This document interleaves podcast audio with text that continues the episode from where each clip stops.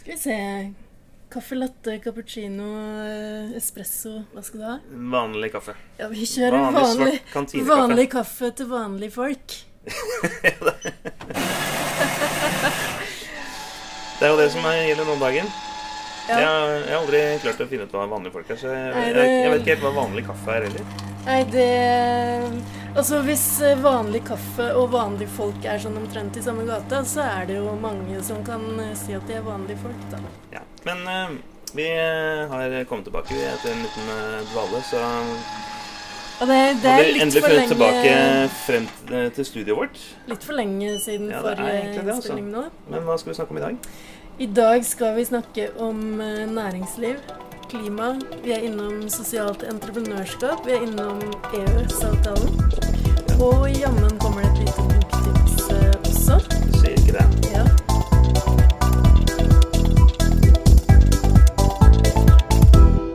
Hjertelig velkommen til ny sending av Rådhuskantina. Endelig. Endelig, får vi si. Endelig. Noen kommer, noen går, noe består. Både på Stortinget og i podkastverden.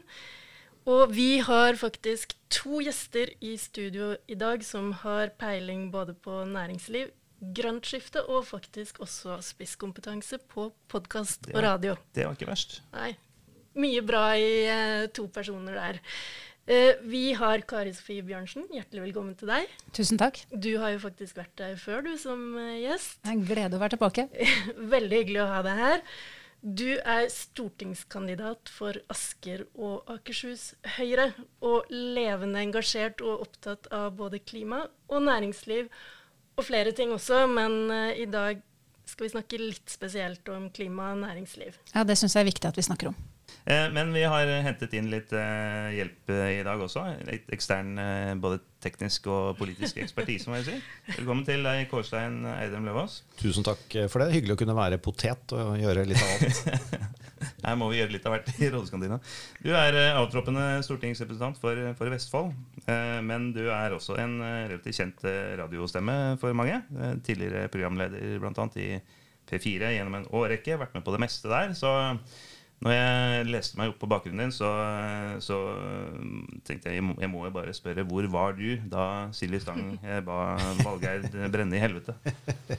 Ja, Godt spørsmål. Nei, vi, da var jo hun og jeg ikke bare kollegaer, men vi hadde jo sendinger sammen, så vi var jo veldig tett eh, sammen. Så jeg, jeg, vi, må jo, vi var mange som kvapp litt da. Både hun og, og også vår daværende sjef hadde en uttalelse hvor han mistenkte at uh, sjefen til Valgar hadde vært i Nei, hun hadde vært i medisinskapet til sjefen sin. Så det, var, eh, det, var, det gikk litt frist for seg akkurat de dagene. Det, var, det er ikke en kommunikasjonsstrategi jeg anbefaler, for det gjorde veien videre litt bratt, men vi kom oss nå gjennom og, og kom oss videre. Det gikk bra for P4 til slutt. Det gikk og går bra. Nå er det jo åtte år siden jeg jobbet her, men jeg følger nøye med. og Jeg hørte en liten fugl synge at de er i ferd med å gjøre sitt eh, aller beste år noensinne, med både lyttere og inntekter nå i 2021. Så radio, det nekter å dø. Tross Valgeir.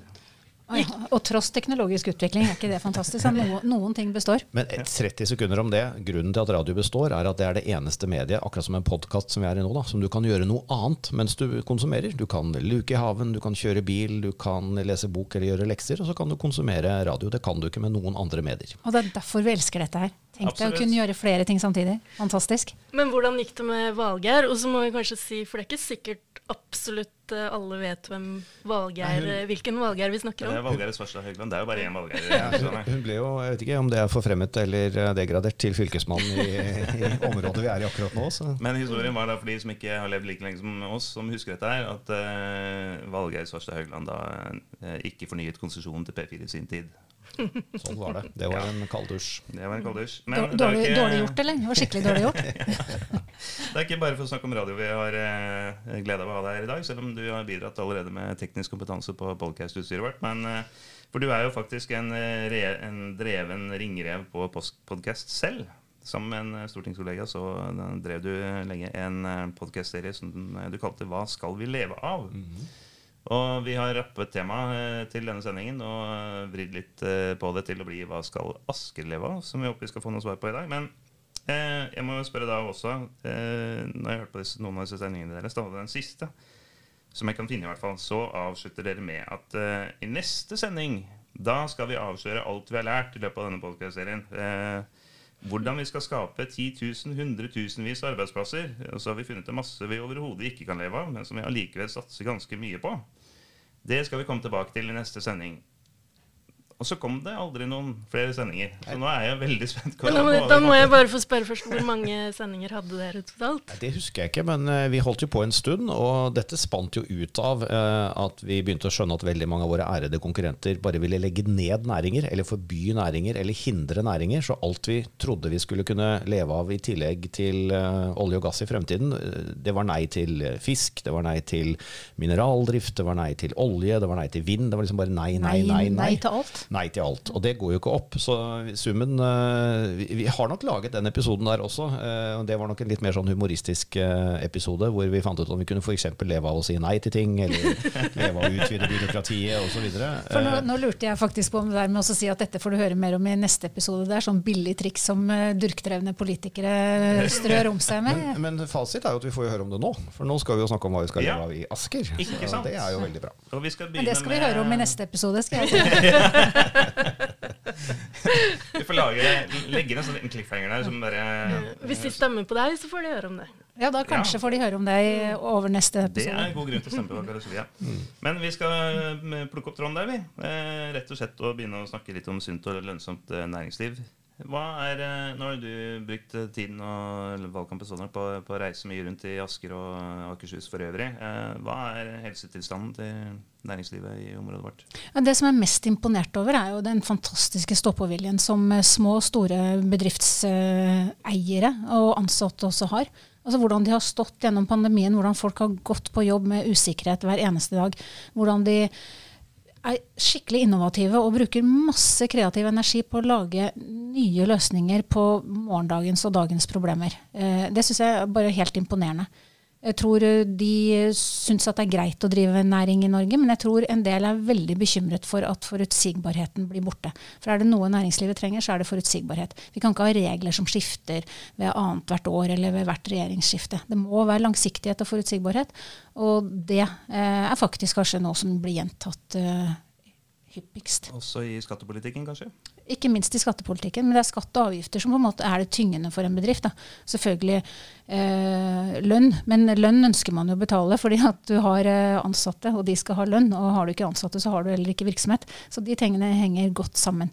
Men akkurat dette med forutsigbarhet tror jeg er kjempeviktig.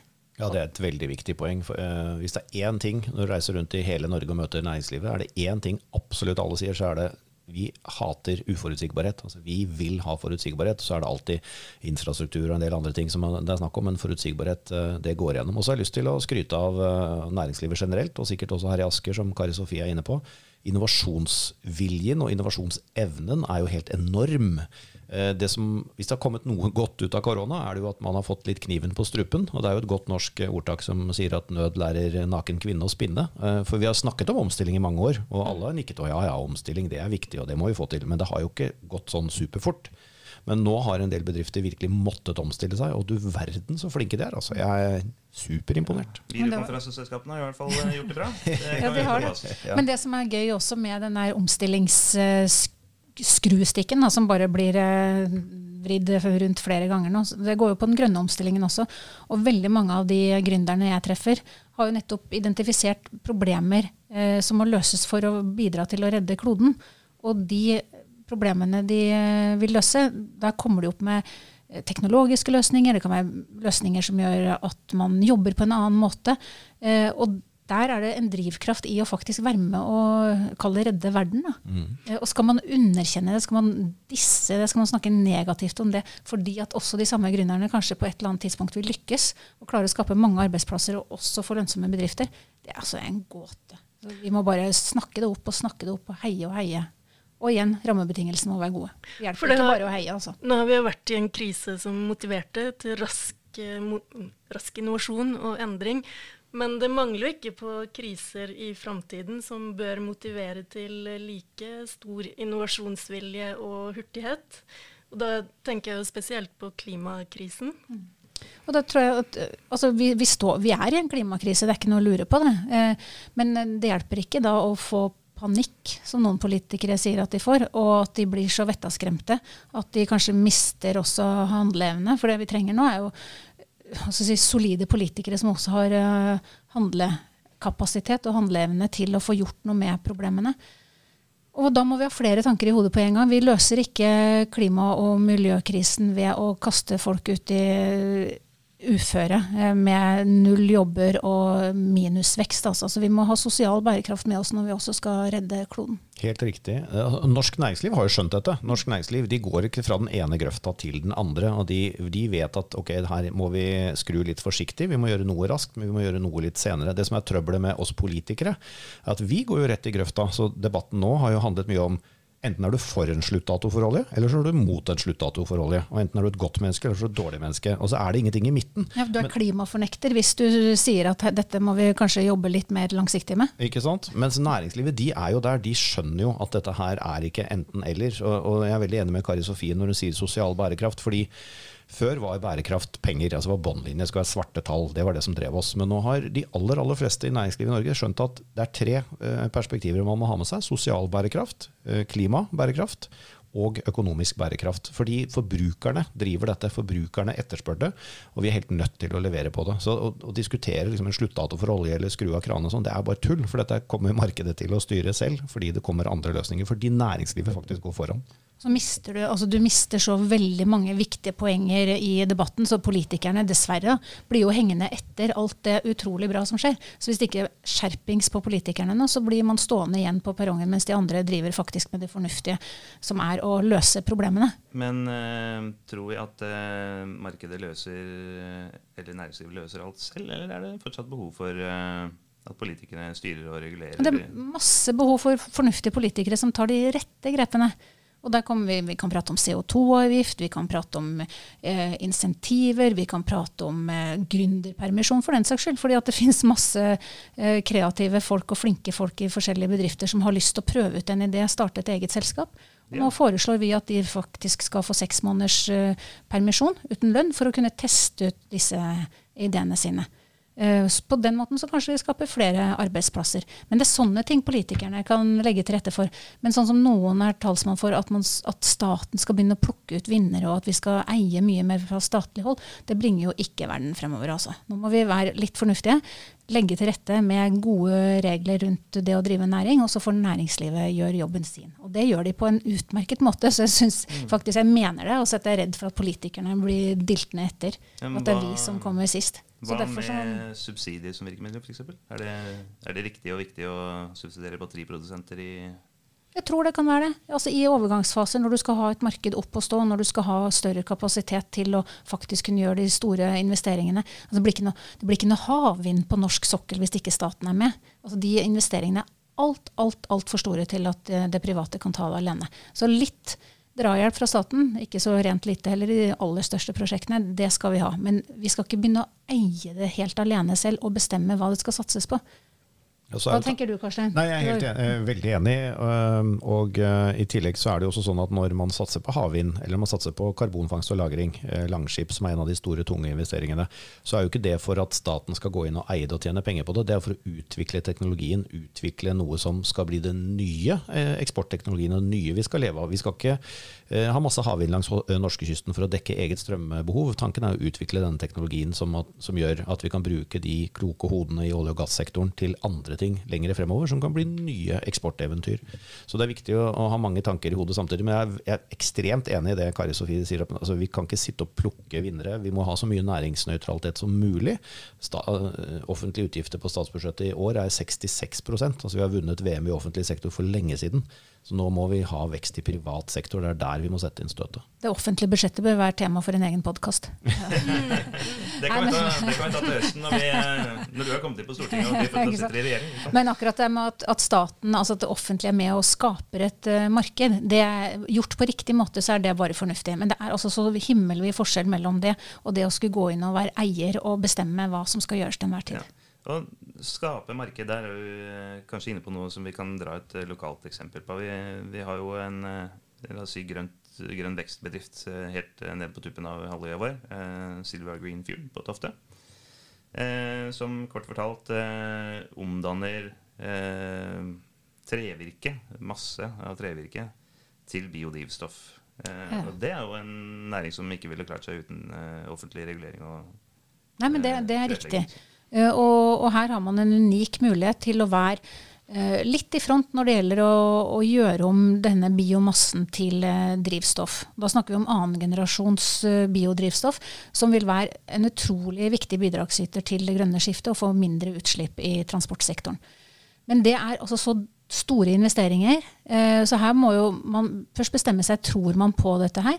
Eh, ja, så tror man på det, og så bidrar staten med penger til å sette opp et demonstrasjonsanlegg for å teste det ut i full skala. Eller det er jo ikke full skala, men i større skala enn bare et pilotanlegg.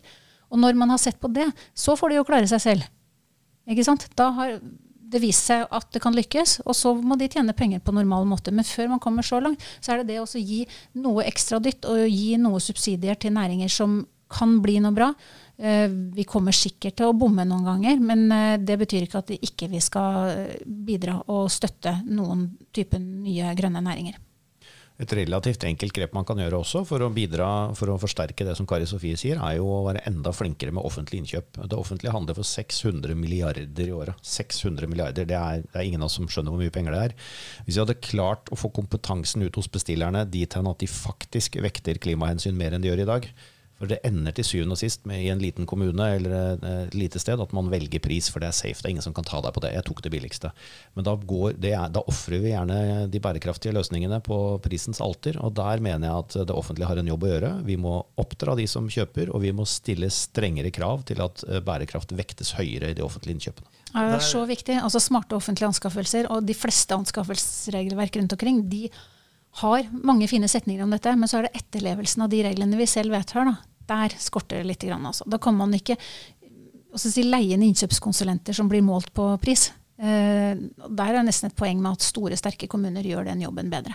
Men det er en annen tematikk det også, Kent. Mm. det er jo kommunesammenslåing. Apropos til uh, det du nevnte her om uh, smarte offentlige anskaffelser, også, uh, som, som, tar andre hensyn enn bare pris. Uh, nå har jo eh, bl.a. i Drammen eh, eller Buskerud har de jo hatt eh, busser som har gått på biodiesel, som nå har sluttet med det fordi det ble for dyrt.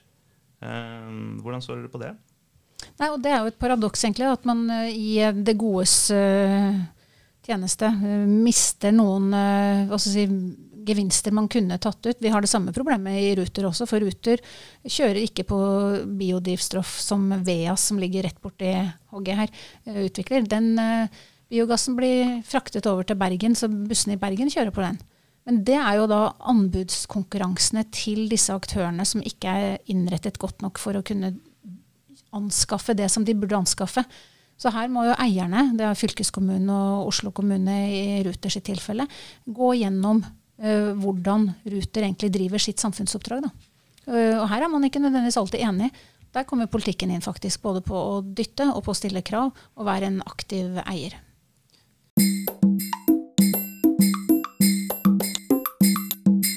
Hvilket uh, potensial ser du i Oslofjorden? Jeg må innom den nå, vet du. Oh. Oslofjorden. Hver gang vi snakker med deg, så må ja, vi snakke litt Oslofjorden. Oslofjorden. Uh, Oslofjorden er en uh, syk pasient, men den er ikke død.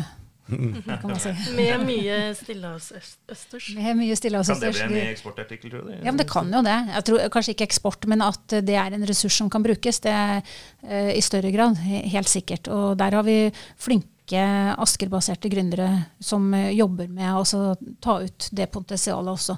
Men det som er viktig med Oslofjorden nå, er at den er uh, skikkelig pill råtten på alle måter. Det, altså, det vises ikke vi kan bade hver dag, og den er kjempefin å bade i.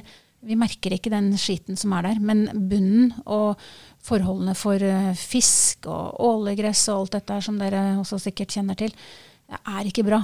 Eh, og største problemet er avrenning fra jordbruket. Og så har vi overvann når det regner for mye fra VEAS og disse andre avløpsselskapene. Så det må vi ta tak i. Og nå er Oslofjordrådet opprettet, og jeg har stor tiltro til at de faktisk eh, gjør noe med det. Hva kan vi gjøre da? Det var mitt spørsmål. Ja.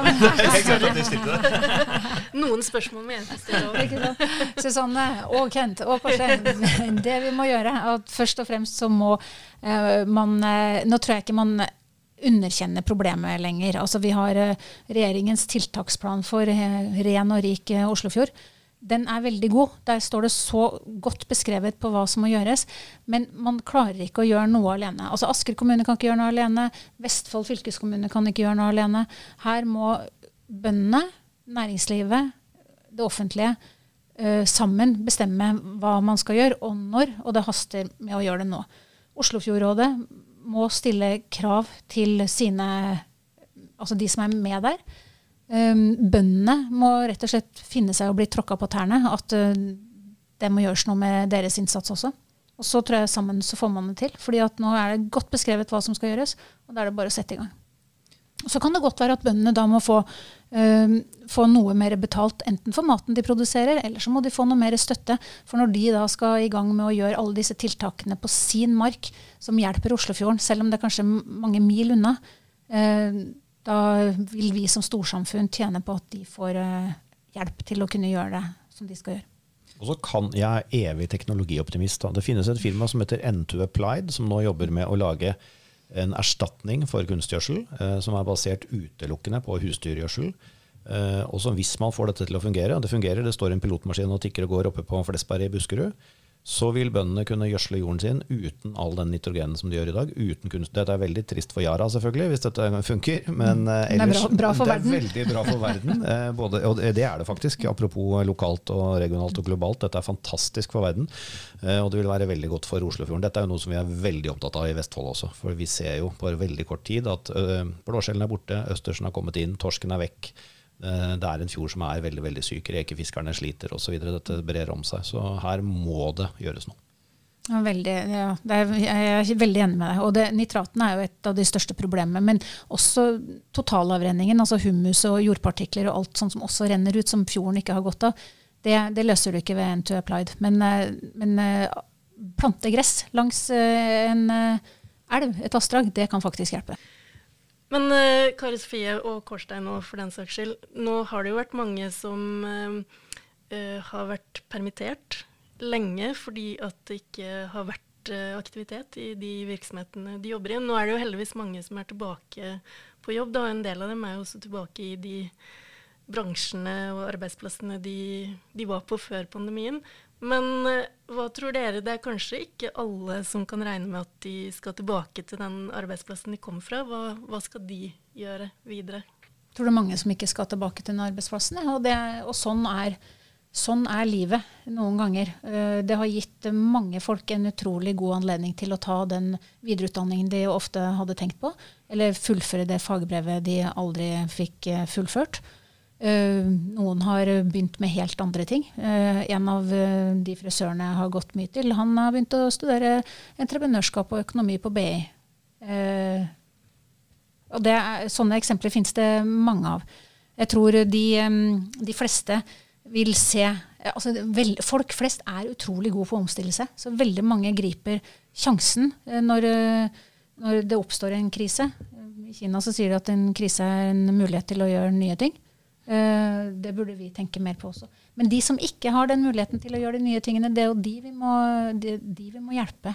Det er også litt sånn innstillingen vi har er det ikke det, Korsen, at vi skal hjelpe de som trenger det, og ikke smøre tynt utover på å hjelpe alle. Det er veldig eh, riktig, og det er veldig mange som har eh, hull i CV-en, eller som har blitt akterutseilt faglig, eller på andre måter eh, sliter med enten å komme inn i arbeidsmarkedet eller å, å, forbli der. og Det er jo utrolig viktig at vi lykkes med å, å hjelpe de, for det er så mye uforløst kraft og verdiskaping da, som ligger der. Pluss at eh, det viktigste det er jo menneskeverd for den enkelte. Det å ha en grunn til å sette på vekkerklokken om morgenen.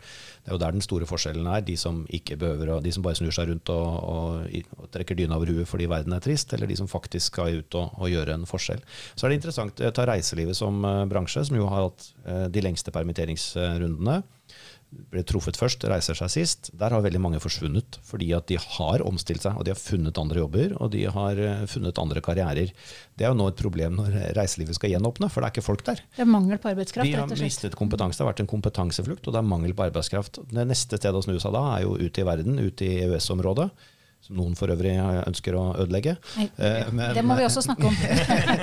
men, men, men, så har det vært trøbbel med korona å få de over grensen osv. Så, videre. så nå er det masse hoteller som ikke har åpnet alle etasjene, for de har ikke nok folk til å rengjøre. De har kunder, de har hoteller, de har infrastruktur, de har alt, men de mangler folk. Så det er en vei å gå fortsatt.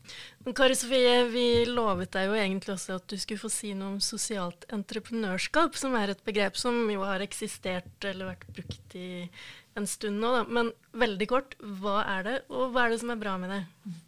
Sosialt entreprenørskap er jo typisk entreprenører, altså gründere, eh, som, som, har identifisert et samfunnsproblem, f.eks. som utenforskap eller at folk ikke kommer i jobb, og, og prøver å løse de eh, utfordringene på sin måte. Skaper en arbeidsplass for noen mennesker som trenger det, samtidig som de også eh, tjener penger på det, hvis de får til det.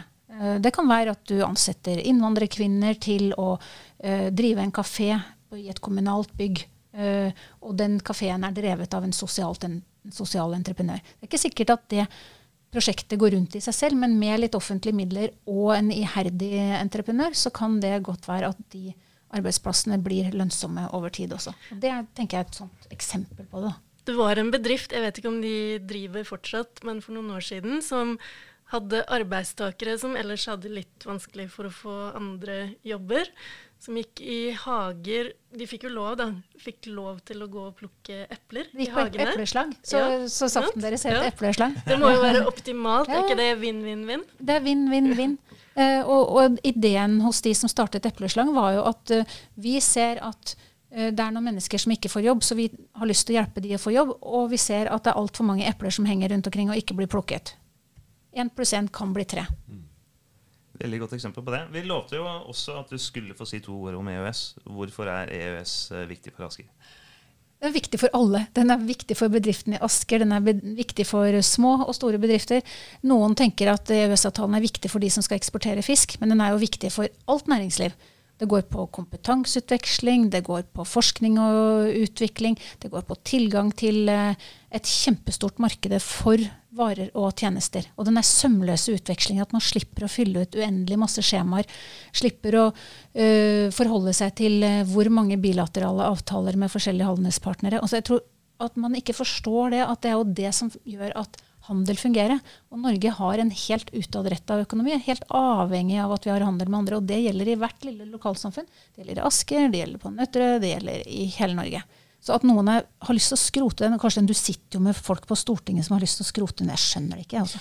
Nei, og det, uh, Dere var inne på det i sted. Hva er bekymringen ved en eventuell valgseier for den andre siden? Dette er jo den reelle, virkelig store bekymringen. fordi eh, det, det, er jo fort gjort at i en sen nattetime i regjeringsforhandlinger da, så blir man enige om ja, men la oss nå i hvert fall utrede et alternativ. da, og Bare det signalet vil jo rokke ved grunnvollene til norsk næringsliv, til utveksling av tjenester, til tilgangen på vaksiner. Det er, det er så enormt utfordrende at jeg ikke, jeg mister nesten nattesøvnen av det. Dessuten så blir jeg litt eh, Unnskyld meg, jeg vet ikke hvor, uh, hvor, viktig det er med språk her, men jeg blir forbanna. Såpass, det, det takler vi. Fordi det er, å, det er å kaste blår i øynene på folk. For det er ikke noe som heter å reforhandle EØS-avtalen. Hvis vi skal det, så må vi si den opp. Det er det første vi må gjøre. Og da har vi jo sett hvordan det gikk i England da de sa opp. Stor økonomi, masse mennesker. De fikk en dårligere avtale. Vi har en avtale som kunne vært bedre, men vi kan ikke reforhandle den bedre. Vi skal møte 27 land istedenfor 12 land. Da vi møtte dem og, og forhandlet, var det 12 i, på 90-tallet. Eh, de var vennlig innstilt, for de trodde vi skulle være med. Nå har de kommet til å være eh, mye mindre vennlig innstilt. De vil ha fisken vår, de vil selge jordbruksproduktene sine inn hos oss. Alle de beskyttelsesmekanismene vi har fått inn i EØS-avtalen, kommer til å bli borte. Det er rett og slett en torpedo inn i norsk næringsliv. Det er en torpedo inn i landbruket. Det er en torpedo inn i fiske, fiskeri og havbruk. Det er det er frekt av Senterpartiet å late som at man kan erstatte det med noe annet. Og det er uforståelig av SV som er internasjonalister, at de, vil, at de vil eh, stenge grensene på denne måten. Det er frekt, freidig, uforståelig, og jeg blir forbanna. Klar tale der. Ja. Eh, da tror jeg vi skal begynne å nærme oss en avrunding. Eh, deg skal vi jo se mer til, Kveldsvie. Men Kårstein, hva skal vi leve av? Hva skal du leve av nå som du er ferdig som stortingsmann? Interessant spørsmål. For øvrig forslag til som punchline Rådhuskantina. All mat i denne sal? Nei. Nei, jeg skal jeg, jeg, ble invitert hit litt bitte grann for tidlig til å si akkurat hva det er. Jeg vet hva jeg skal. Alt er på plass, men det er dessverre ikke offentlig ennå, så jeg kan ikke si det her. Men det kommer til å bli veldig moro. Jeg kommer til å fortsatt ha kontakt med det politiske livet. Så skal, eh, når Kari Sofie kommer på Stortinget, så møter jeg henne som lobbyist kanskje neste gang. Jeg skulle til å si at du skal være rådgiver for meg. Nei, ja, ikke sant, det kan du se. Eh, men jeg, så kan jeg si så mye. Jeg skal ikke jobbe i konsulentbransjen. Jeg skal jobbe for et foretak. Jeg skal ha på meg en logo på brystet. Jeg skal ut og slåss for verdiskaping, private arbeidsplasser og sørge for at vi er med å finansiere den offentlige velferden fremover også. Kårstein Eidem Løvaas, eh, Kari Sofie Bjørnsen, tusen takk for at dere var med oss i studio i dag. Eh, alle gjester her de får eh, egentlig med seg som en liten oppmerksomhet fra oss en kopp med Solberg-toddy. Den har vi glemt å ta med i studio, så du får få den etterpå. Det, det går greit. det går greit. Jeg regner med at dere har kanskje drukket litt Solberg-toddy tidligere også? Delt ut litt selv òg, kanskje. Av og til har vi nok det. Men da sier vi tusen takk for besøket. Lykke til med resten av valgkampen, lykke til med valget, og vi gleder oss til å se hva som skjer.